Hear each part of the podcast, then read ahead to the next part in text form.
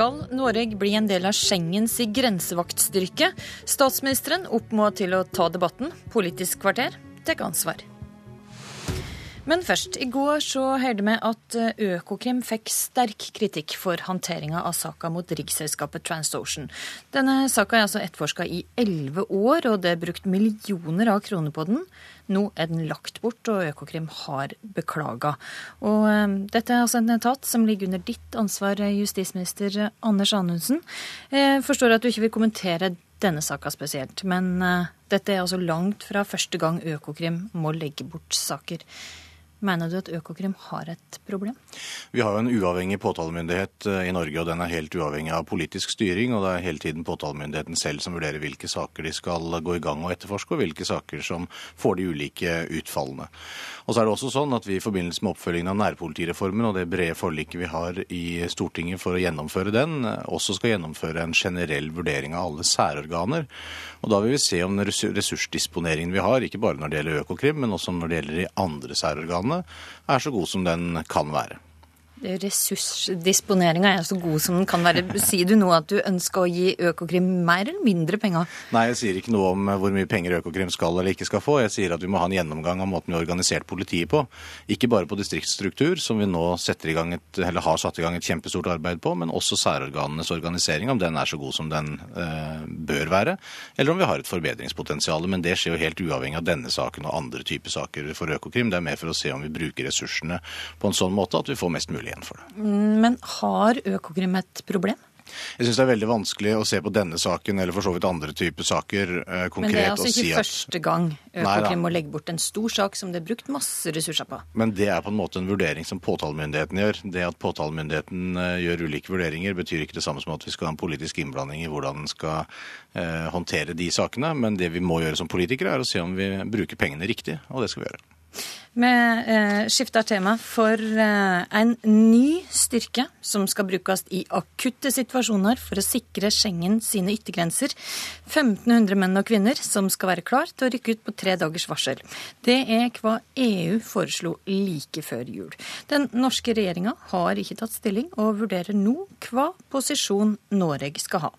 Og eh, Senterpartileder Trygve Slagsvold Vedum, du vil advare Norge mot å si ja til å bli med på dette samarbeidet. Hva er det du frykter? Det er et veldig dramatisk forslag. Eh, forslaget har blitt eh, omtalt som eh, invasjonsklausulen av tjenestemenn i EU. altså Nettopp at du skal kunne ha en mulighet til, på tvers av nasjonale myndigheter, å sette inn da EU-grensevaktstyrker.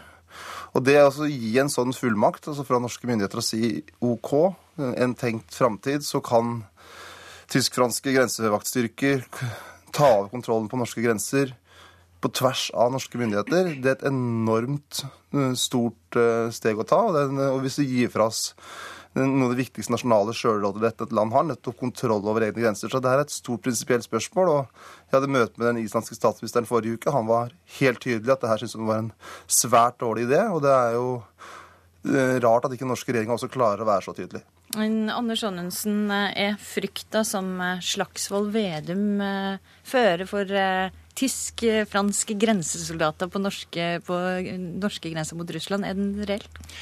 Nei, sånn situasjonen er nå, så er den absolutt ikke det. Men det er klart at det er et prinsipielt spørsmål. Men det er to spørsmål. Det ene spørsmålet er jo om selve grensestyrken.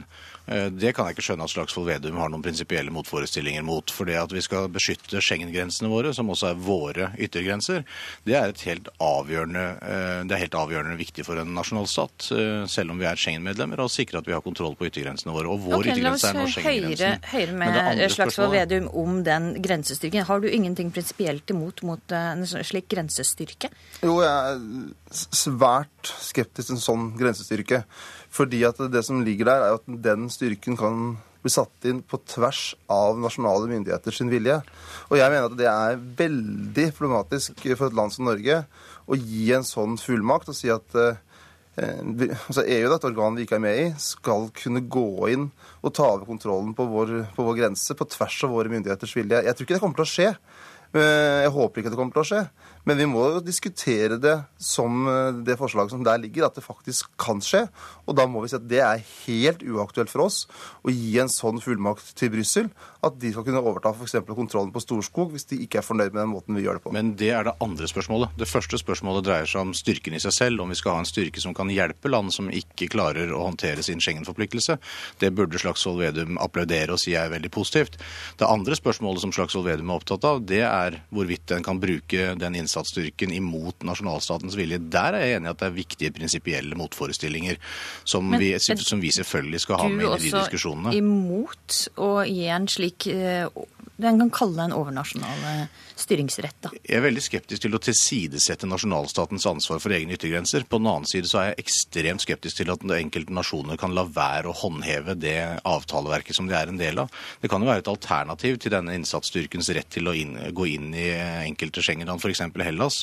At uh, den typen land får et valg. Enten så tar dere imot den hjelpa vi faktisk kan tilby, eller så må vi flytte Schengen-grensa et hakk lenger inn til noen som ønsker å ta det ansvaret inntil de klarer å håndtere det selv.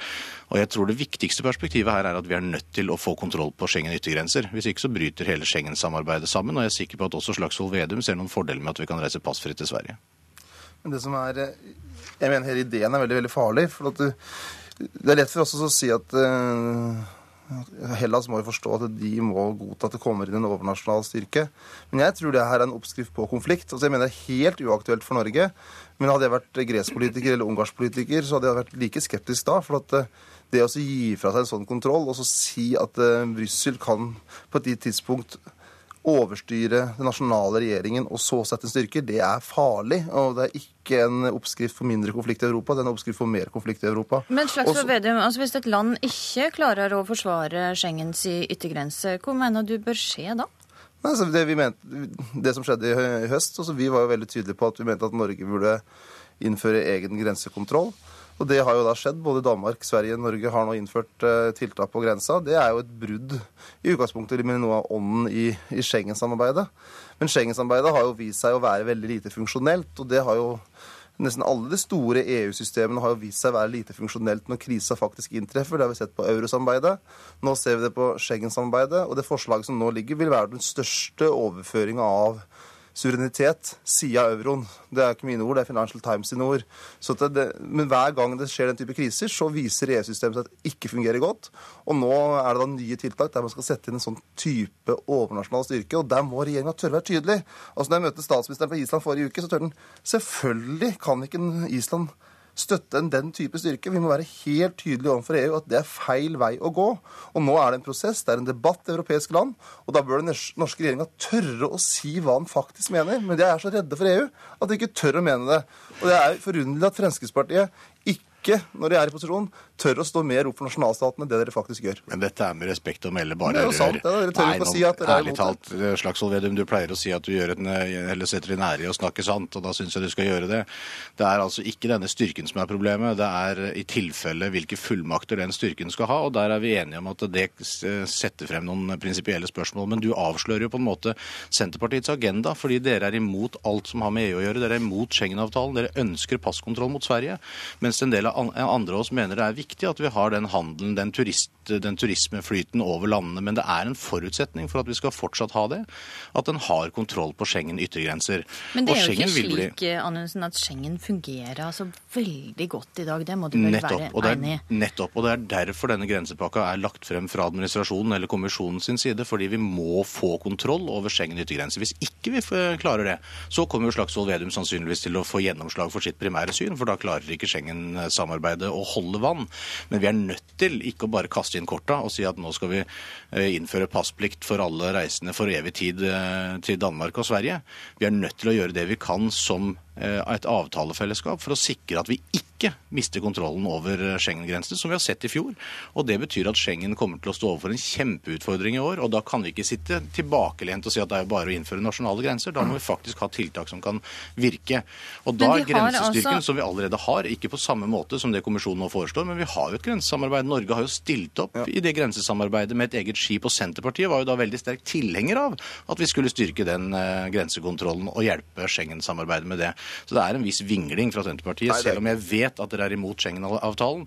Det er ikke regjeringa, eh, Ok. og det er en prinsipiell uenighet. Lars Slagsvold Vedum får svar på det. Ja, punkt nummer én så er det jo, var den nordiske passfriheten lenge før Schengen-samarbeidet kom. Så det klarte vi å håndtere på en god måte mellom de nordiske landene. og Det var et av de første initiativene til Nordisk råd. så det Men har den kan fungert- overleve hvis det har Norge fungert- er på utsida av Schengen. Det har fungert veldig, veldig bra. Og så er det det at det, Senterpartiet har jo, eh, som Anundsen sier, bidratt til at Norge har ressurser til eh, Frontex.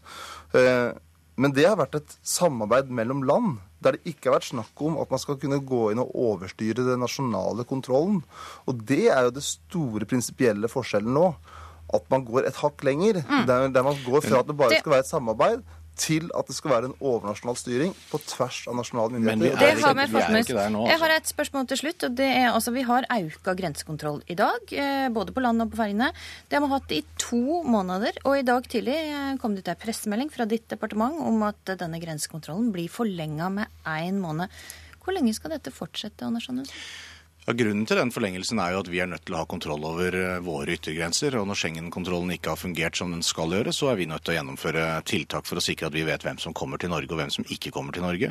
Eh, Og Derfor har det vært viktig for oss av hensyn til den indre sikkerhet å fortsette denne grensekontrollen på samme måte som Sverige og Danmark har gjort. Hvor lenge det skal vare, er vanskelig å svare på. Men Schengen-avtalen har jo noen begrensninger i seg i forhold til hvor lenge en kan gjennomføre eh, en sånn unntakssituasjon som det vi er i. Vi forholder oss veldig til det, men vi har allerede varslet kommisjonen om at det kan komme en ytterligere forlengelse etter disse 30 dagene. Takk, Anders Anundsen og Trygve Magnus Slagsvold Magnus Vedum.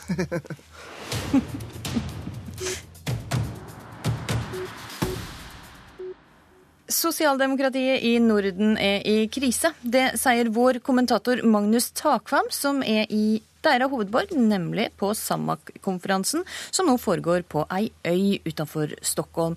En konferanse for sosialdemokratiske parti og LO-organisasjonene i de nordiske landene.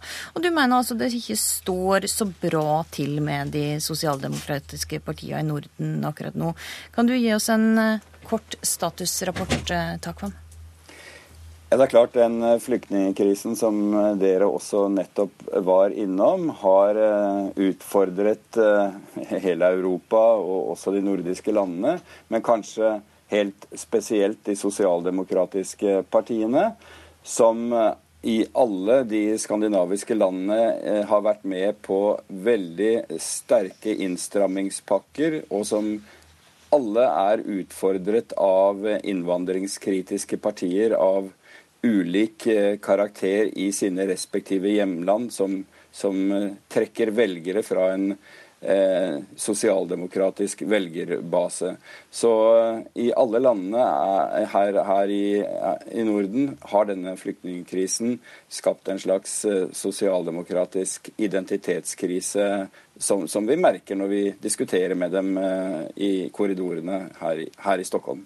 Ja, og forholdet til partiene lengst ute til høyre er, som du sier, på agendaen. Og vi skal høre Mette Fredriksen, leder i Sosialdemokratene i Danmark, og hvordan hun skulle ønske hun kunne hanskes med Dansk Folkeparti. Hva vil skje dersom de går inn i en regjering? Det er jo avsløret, tror jeg. Hvordan? Jamen fordi at øh, et, et, et av utfordringene med dem er jo, at de meget, meget få lande har taget et, et egentlig ansvar, og, og de dermed i, i for ringe grad har vært tvunget til også å finne balancerne, hva politikk politik jo også ofte handler om, altså kompromiserne. Øh, så det bedste ville selvfølgelig være, at man, øh, at man tvinger øh, de højrepopulistiske partier til å ta et reelt ansvar.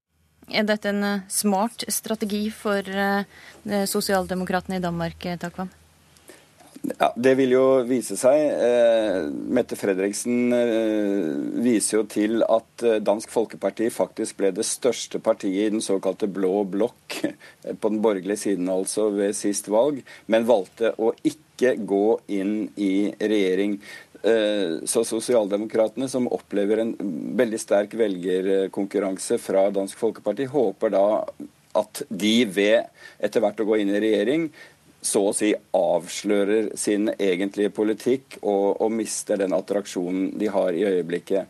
Eh, noe av det samme kan man kanskje si at Arbeiderpartiet i Norge forsøker å gjøre med det norske Fremskrittspartiet, ved å trekke dem inn i ulike forlik for å nøytralisere dem på den måten.